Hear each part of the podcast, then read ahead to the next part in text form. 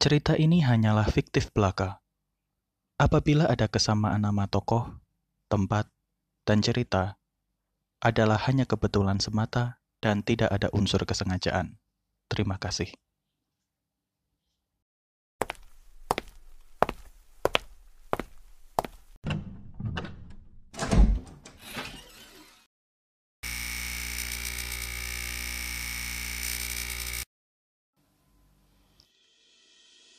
Kota Mandiri Impian di Indonesia yang dihuni oleh masyarakat yang ramah, siang terasa sejuk, malam terasa hangat, dikelilingi oleh dua bulan yang selalu mengawasi masyarakatnya, dan makhluk-makhluk mistis hidup berdampingan.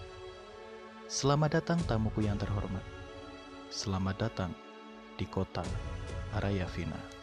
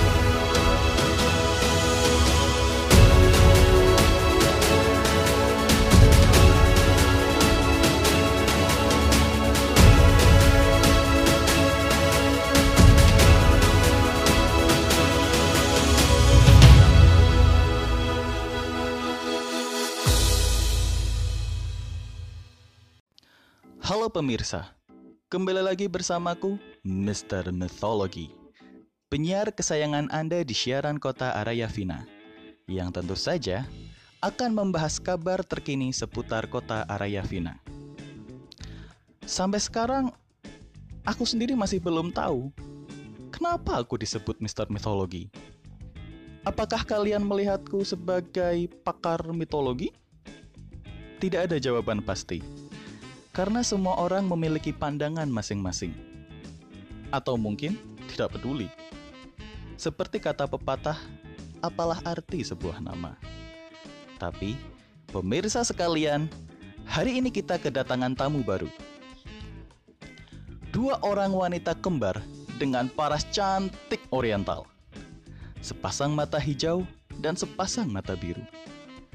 Rambut hitam tergerai dan yang satunya ponytail berpakaian congsam merah motif naga dan congsam putih motif harimau. Sambil membawa dua bungkusan persegi panjang yang dibalut kain emas bersimbol yin yang. Oh, oh maafkan aku pemirsa. Terkadang cakra acenaku selalu melihat hal-hal yang sifatnya privasi. Hmm, mungkin aku harus mengenal mereka lebih dalam lain kali atau menjadikan mereka bintang tamu di siaranku kelak? Hah, tentunya dengan cara yang lebih santun. Sama seperti masyarakat kota Arayavina yang selalu ramah dan santun. Sebagai masyarakat kota Arayavina, kita harus menyambut mereka dengan sukacita. Aku pun akan menyambut mereka dengan sukacita. Anda pun demikian.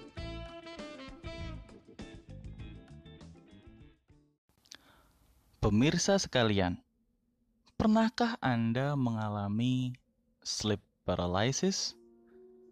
Beberapa orang menyebutnya dengan peristiwa ketindihan setan. Walaupun tidak literally ketindihan setan, namun sleep paralysis selalu diakhiri dengan bertemu makhluk-makhluk mistis dalam mimpi.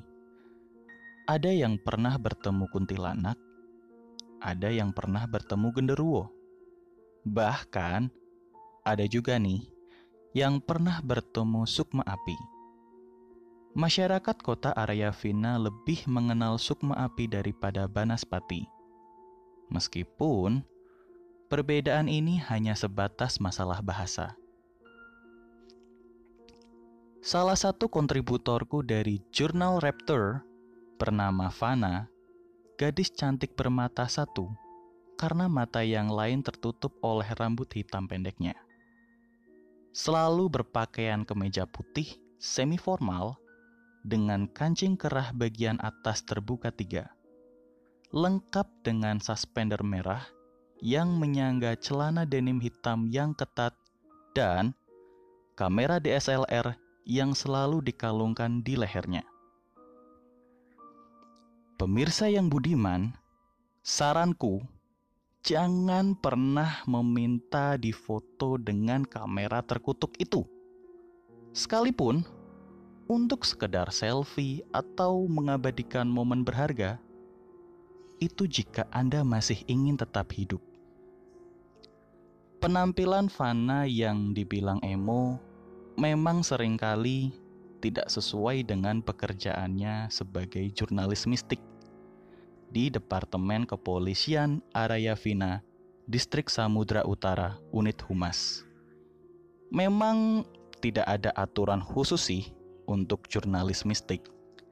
Pada dasarnya sama saja antara jurnalis biasa dengan jurnalis mistik. Yang membedakan hanya konten beritanya saja. Semoga malam nanti pemirsa sekalian bisa tidur dengan nyenyak. Jangan lupa untuk mengunci pintu rumah, menutup jendela, dan gorden Anda.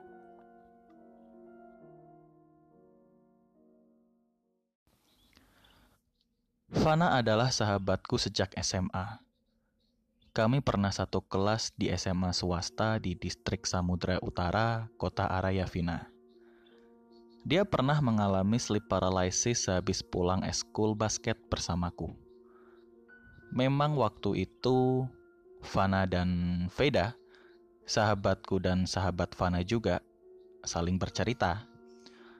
Aku tak sengaja menguping pembicaraan mereka tentang kasus kematian seorang siswi di sekolah kami. Sekali lagi, aku mempunyai kebiasaan buruk mengetahui privasi orang lain. Sekolah kami memang terkenal dengan kasus kematian siswi gantung diri akibat depresi, diputusin pacar, dihianatin teman, dan dianiaya kedua orang tua. Siswi tertutup yang tidak diketahui namanya itu akhirnya memilih untuk mengakhiri hidupnya. Padahal dia adalah siswi yang berprestasi dan sempat mengharumkan nama SMA kami sama seperti siswa-siswi kebanggaan orang tua di kota Arayavina ini. Namun, prestasi baik memang bukan jaminan hidup akan baik. Walaupun menentukan akhir hidup oleh diri sendiri bukan solusi. Sejak kisah tragis siswi itu diceritakan oleh Veda, gadis cantik beraura kelam, sahabatku Fana mengalami sleep paralysis bertemu dengan sukma api. Bentuknya seperti tengkorak berapi yang melayang-layang di sekitar wajahnya. Setelah mengalami sleep paralysis, Fana menceritakan pengalaman buruknya kepada Veda dan aku. Tapi Veda dan aku tahu bahwa mimpi buruk itu belum berakhir begitu saja. Selama tiga tahun menuntut ilmu di SMA, Fana mengalami siklus sleep paralysis berkepanjangan dan bertemu dengan berbagai makhluk-makhluk mistis seperti sukma api, siluman, jin, hingga jenglot. Gadis tomboy yang awalnya biasa saja berubah menjadi sangat paranoid. Beruntunglah Fana memiliki sahabat seperti Veda dan aku yang selalu bisa menenangkannya. Meski akhirnya Fana menjadi jurnalis mistik untuk mengungkap kasus kematian misterius akibat halusinasi bertemu setan.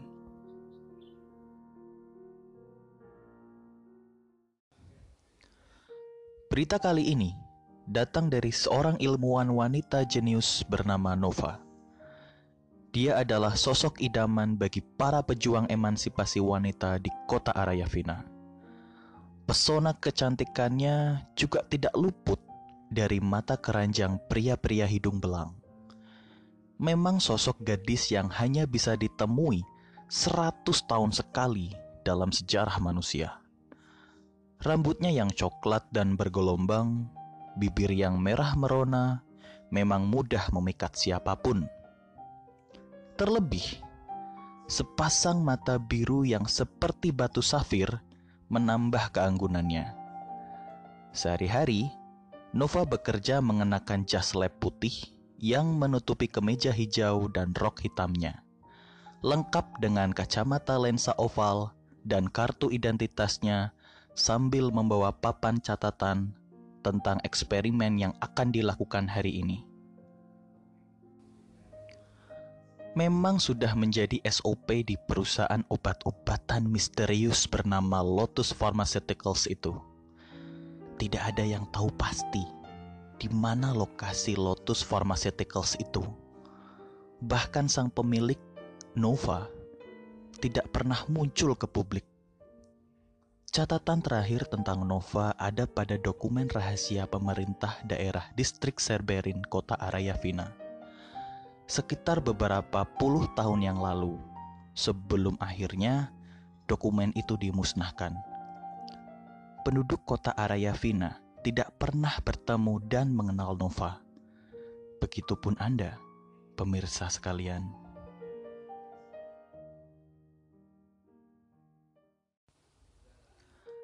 Mari kita kilas balik dengan tragedi distrik Serberin. Tragedi distrik Serberin dimulai dari berangkatnya kereta dengan nomor 23. Padahal saat itu, seorang petugas kereta api meniupkan peluit atau semboyan 46 tanda kereta harus langsir. Yang terjadi, masinis kereta nomor 23 justru membawa kereta terus bergerak meninggalkan stasiun. Petugas kereta api itu berusaha menghentikan kereta, ia berlari sambil meniupkan peluit memanggil masinis kereta nomor 23. Petugas kereta api itu bahkan mengibas-ngibaskan bendera merah, tanda kereta harus segera berhenti. Namun kereta terus melaju, bahkan penumpang yang berada di atap kereta malah menyoraki petugas kereta api sambil tertawa-tawa. 8 km setelah kereta nomor 23 meninggalkan stasiun, terjadi tabrakan dengan kereta nomor 13 yang melaju tepat di depan kereta nomor 23 dari arah berlawanan. Masinis kereta nomor 23 mengaku baru melihat kereta nomor 13 sekitar 30 meter sebelum tabrakan dan ia tidak sempat mengerem. 153 orang tewas dan 3000 orang luka-luka masinis kereta nomor 23 selamat dan beralasan bahwa perintah yang diterimanya bukanlah untuk langsir. Akibat dari tragedi itu, ia menjadi trauma, diganjar hukuman lima tahun penjara, dan kehilangan pekerjaan. Belakangan muncul teori konspirasi yang menyatakan bahwa kasus ini berkaitan dengan Lotus Pharmaceuticals di mana masinis kereta nomor 23 yang mengaku melihat kereta nomor 13 30 meter sebelum tabrakan salah perintah peluit dan sejumlah penumpang yang tertawa adalah akibat pengaruh dari aroma teratai hitam. Sebuah obat misterius yang dikembangkan oleh Lotus Pharmaceuticals yang konon kabarnya sengaja dihembuskan melalui asap yang muncul dari pipa stasiun. Aroma asap itu menyebabkan halusinasi kepada siapa pun yang berada di TKP. Tidak bisa dipastikan kebenaran dari teori konspirasi ini, tapi bagi yang senang dengan konspirasi, ini adalah plot yang menarik. Sekalipun kabarnya masih banyak korban yang belum ditemukan dan diketahui identitasnya sampai sekarang. Hilang entah ke mana, seakan tanpa jejak sebelum ditemukan polisi setempat.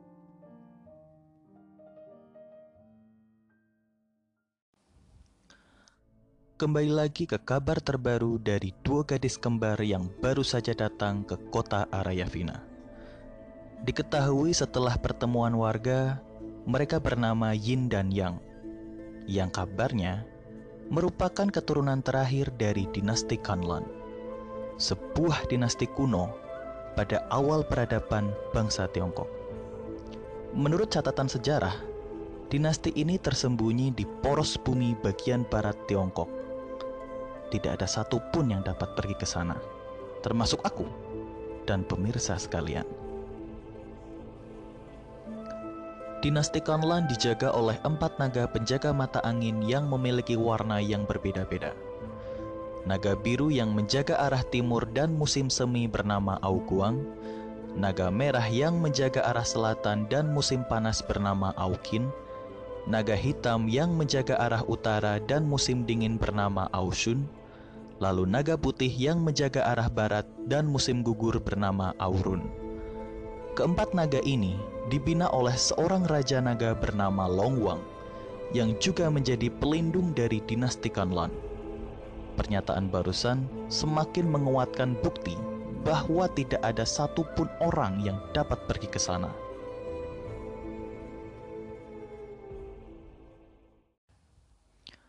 Pemirsa sekalian, aku sedikit memendam rasa penasaran dengan tujuan sebenarnya dari Yin dan Yang.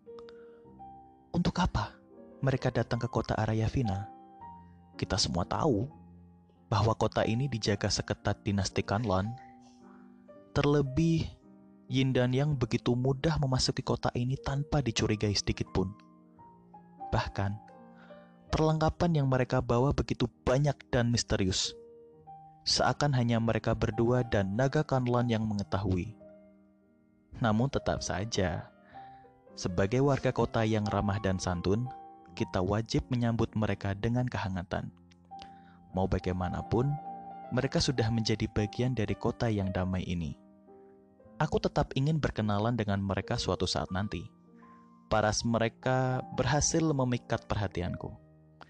Semoga mereka tidak terkejut dengan kondisi lingkungan di mana manusia hidup berdampingan dengan makhluk-makhluk mistis, Semoga mereka tidak terganggu dengan zona merah mafia kartel Widara yang membawahi empat klan setan. Semoga mereka tidak berurusan dengan perusahaan obat-obatan misterius Lotus Pharmaceuticals. Semoga pemirsa sekalian bisa menjalani hari ini dengan keberkahan dan keberuntungan. Jangan lupa untuk selalu mendengarkan siaran kota Araya Vina di mana pun dan kapan pun kalian berada. Sebelum siaran ini berakhir, kita simak iklan berikut ini. Manere Bisarum.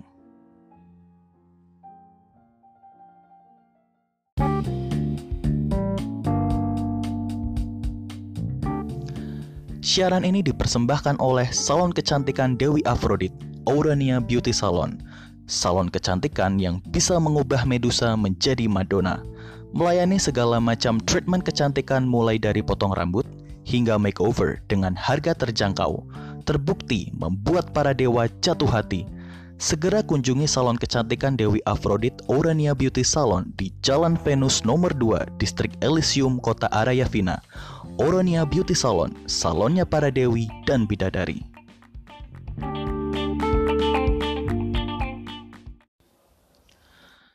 Terima kasih kepada para kontributor yang sudah memberikan masukan untuk episode kali ini. Terima kasih juga kepada kalian semua yang sudah mendengarkan siaran kota Arayavina. Sampai jumpa di semesta kota Arayavina selanjutnya. Aku, Mr. Mythology, pamit undur diri. Manere Bisarum. Jangan lupa untuk selalu mendengarkan podcast Sig Network Mythology setiap hari Sabtu di aplikasi Anchor.fm www.anchor.fm slash signetwork atau di aplikasi Spotify. Tinggal cari dengan kata kunci Sig Network Mythology. Follow juga akun media sosial Sig Network Mythology seperti Facebook, www.facebook.com slash signetwork, Twitter, www.twitter.com slash signetwork, dan Instagram, www.instagram.com slash signetwork. Jangan lupa untuk mendukungku di platform apresiasi kreator bernama Karya Karsa di www.karyakarsa.com slash signetwork mythology. Dukungan teman-teman pecinta mitologi sekalian akan membantuku untuk terus berkarya. Apabila kalian memiliki ide ataupun saran untuk episode podcast Sig Network Mythology, email saja ke sig.aegis@gmail.com dengan subjek ide untuk podcast mitologi. Ide terbaik akan dijadikan bahasan di episode selanjutnya.